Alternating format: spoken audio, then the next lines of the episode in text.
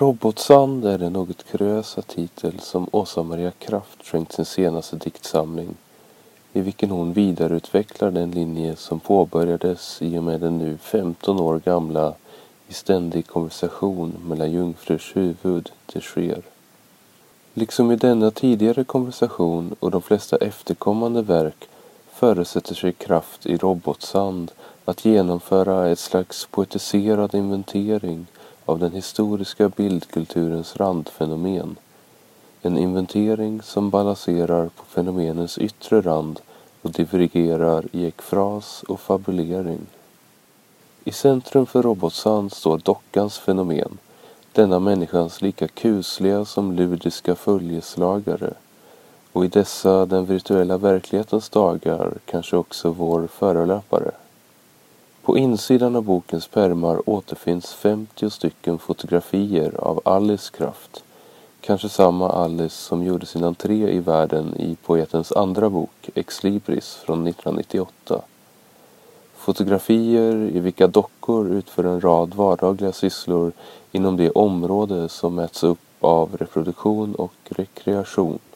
Mindre triviala är omständigheterna mellan pärmarna.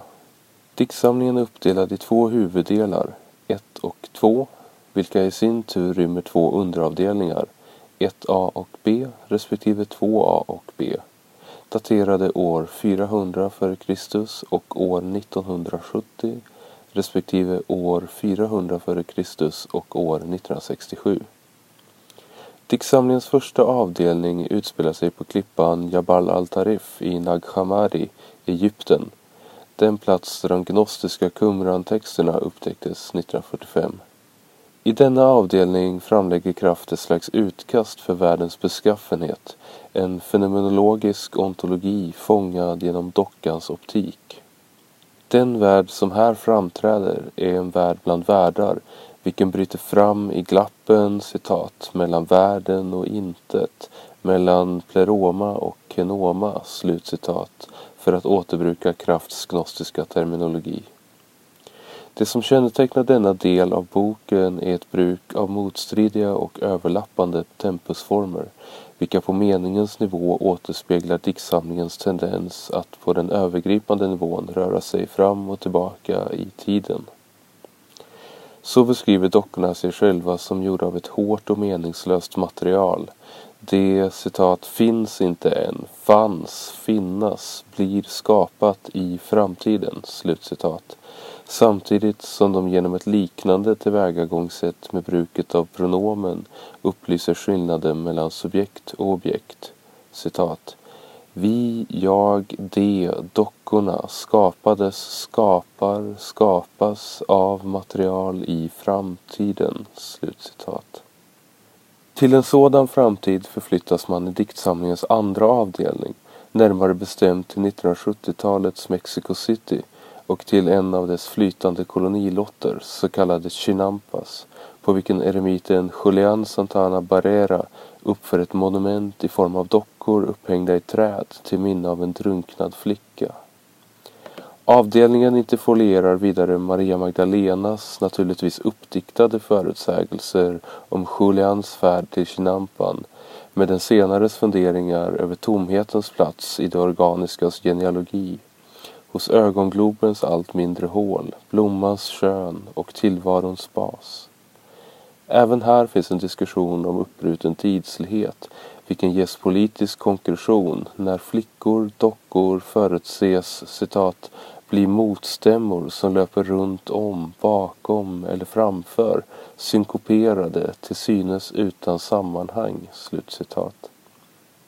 I diktsamlingens tredje del förs läsaren åter till 400-talet före Kristus och den egyptiska klippan där ett möte äger rum mellan en flicka och en av de paddeldockor som begravdes med de egyptiska kungarna för att ta på sig de domar som i efterlivet skulle falla över kungarna och i nästa liv återuppstå som slavar. Under mötet planeras också ett slags flyktlinje vilken återaktualiserar det glapp mellan världen och intet som introducerades i diktsamlingens första del. Dockan berättar för flickan att citat Kenoma ligger öppet som ett glapp mellan dig och de andra. mellan din kropp och den här klippan, mellan din mun och min platta kropp av trä, som inte är jag, men som är jag för dig, och håll mig som glapp i den hand och gå, gå in i ditt glapp där världen blir till. Slutcitat. Avslutningsvis återkommer diktsamlingens fjärde och sista avdelning till vår närhistoria genom betraktandet av ett i diktsamlingen icke reproducerat fotografi från år 1967. Fotografiet föreställer en vardaglig scen där en fader och ett barn, det senare med ryggen mot kameran, sitter framför en TV. På bordet en kvällstidning med en artikel som kretsar kring ett föreslaget förbud mot barnaga och i en plåtlåda en docka. Avdelningen kännetecknas av en kuslig stämning. Det talas om att citat tidsandan är en, familjeandan en annan. Slutcitat. Liksom om citat den fasta hierarkin klädd i orons omsorg. Slutcitat. En kuslighet som övergår i hotfullhet då en oidentifierbar röst talar om citat stenåldriga ritualer slutcitat för att likvidera och ersätta barnets kropp. Parallellt med detta förekommer dock en slags hemlig överenskommelse mellan barnet och Hypsifrone, en ädel urfigur från de gnostiska texterna som försäkrar barnet om gnostikernas plats utanför tiden och som här mynnar ut i ett slags allomfattande förlösning. Hur är det möjligt att förstå eller ens förena så pass disparata delar till någonting enhetligt? Vänder man sig till den litteraturkritiska receptionen i dagspress har man i Robotsand velat se ett slags civilisationskritik med feministiska förtecken. Något som är en helt rimlig tolkning men som inte på ett tillräckligt vis blottlägger förhållandet mellan politik och poetik. För att åskådliggöra något sådant måste de fyra avdelningarna framställas i abstraherad och koncentrerad form. Med dess fokus på tidslighet och världens inneboende porositet kan diktens första del sägas framställa en ontologisk öppenhet. Diktens andra del konkretiserar denna öppenhet eller tomhet i en naturhistoria samtidigt som den med monumentet över den drunknade flickan materialiserar minnet av en förlust. I den tredje avdelningen blir tomheten till platsen för en etisk sammansvärjning bortom den patriarkala struktur som låter dockan, flickan bära historiens skuld. Och i den avgörande delen sammanfaller denna sammansvärjning med ett avvärjande och ett avvisande. Citat. För oss gnostikor är alla tider utanför. Slutcitat. Sammantagna ger dessa fyra moment ontologisk porositet, materialiserad förlust, etisk sammansvärjning och avvärjande undandragande en positiv förståelse av tomheten. En positiv förståelse av tomheten vilken ska uppfattas varken som negation eller brist. Varken som den handling vilken förtär och förintar någonting i världen eller som ett ontologiskt tillkortakommande. Vad det snarare handlar om är tomheten som ett möjlighetsvillkor. Som en plats lokaliserad mellan det faktum att vi är i världen och det att vi framträder i densamma. Tomheten blir till den plats genom vilken det är möjligt att framträda i världen på ett annorlunda vis. I det avseendet upprättar Robotsand också ett sätt att tänka dockans poetiska funktion, vilket skiljer sig från dess annars framträdande litteraturhistoriska belägenhet. Dockans intåg i den västerländska litteraturen sammanfaller med det moderna konst- och litteraturbegreppets framväxt omkring sekelskiftet 1800. Det kändaste exemplet på detta är sannolikt Heinrich von Kleists berättelse om marionetteatern från 1810 i vilken berättarens interlokutör, skådespelare Herr C, argumenterar för att det för människan är citat omöjligt att nå upp till marionettens gras, slut citat, eftersom denna citat uppenbarar sig i sin renaste form i den människokropp som antingen inte har något självmedvetande alls eller också ett oändligt sådant, det vill säga antingen i marionetten eller i Gud. Slutcitat. Hit hör också Hoffmans docka Olympia som i kortromanen Sandmannen på en och samma gång fungerar som en erotisk och satirisk spegelbild för manlig exaltering och kastrering. Möjligtvis är den kuriösa titeln Robotsand en anspelning på de båda kusliga figurerna i Hoffmans berättelse. På dockan eller roboten Olympia och Sandmannen.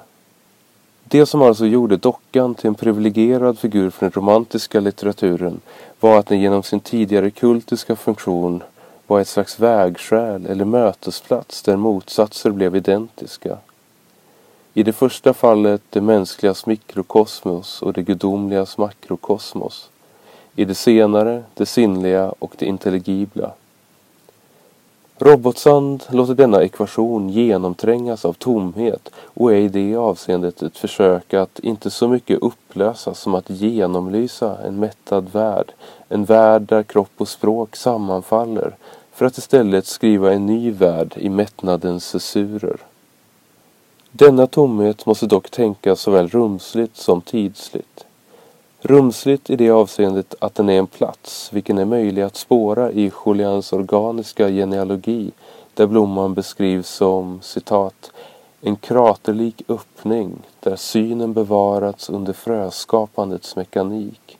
En blommas blick ser inåt, ner, genom sina egna skälkar, ner i jordens inre, varur alla drömmar stiger upp. Slutcitat och tidsligt på så sätt att dockorna säger sig vara citat införda i skapelsen från framtida material alls inte riktigt tillhörande.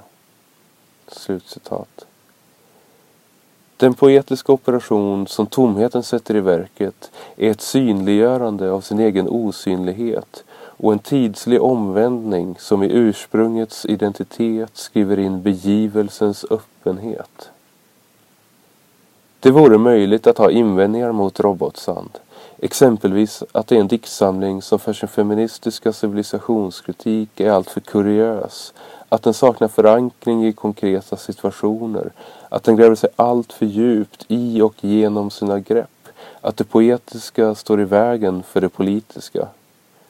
Samtidigt, om det är själva greppet, själva den poetiska urgröpningen av världen som är nödvändig för att frammana den tomhet från vilken det blir möjligt att tänka inte bara den innevarande världens kontingens utan också möjligheten till en ny värld så vore det lika angeläget att argumentera för att det är just det poetiskas asocialitet som kan bevara luftet om en sann samfällighet.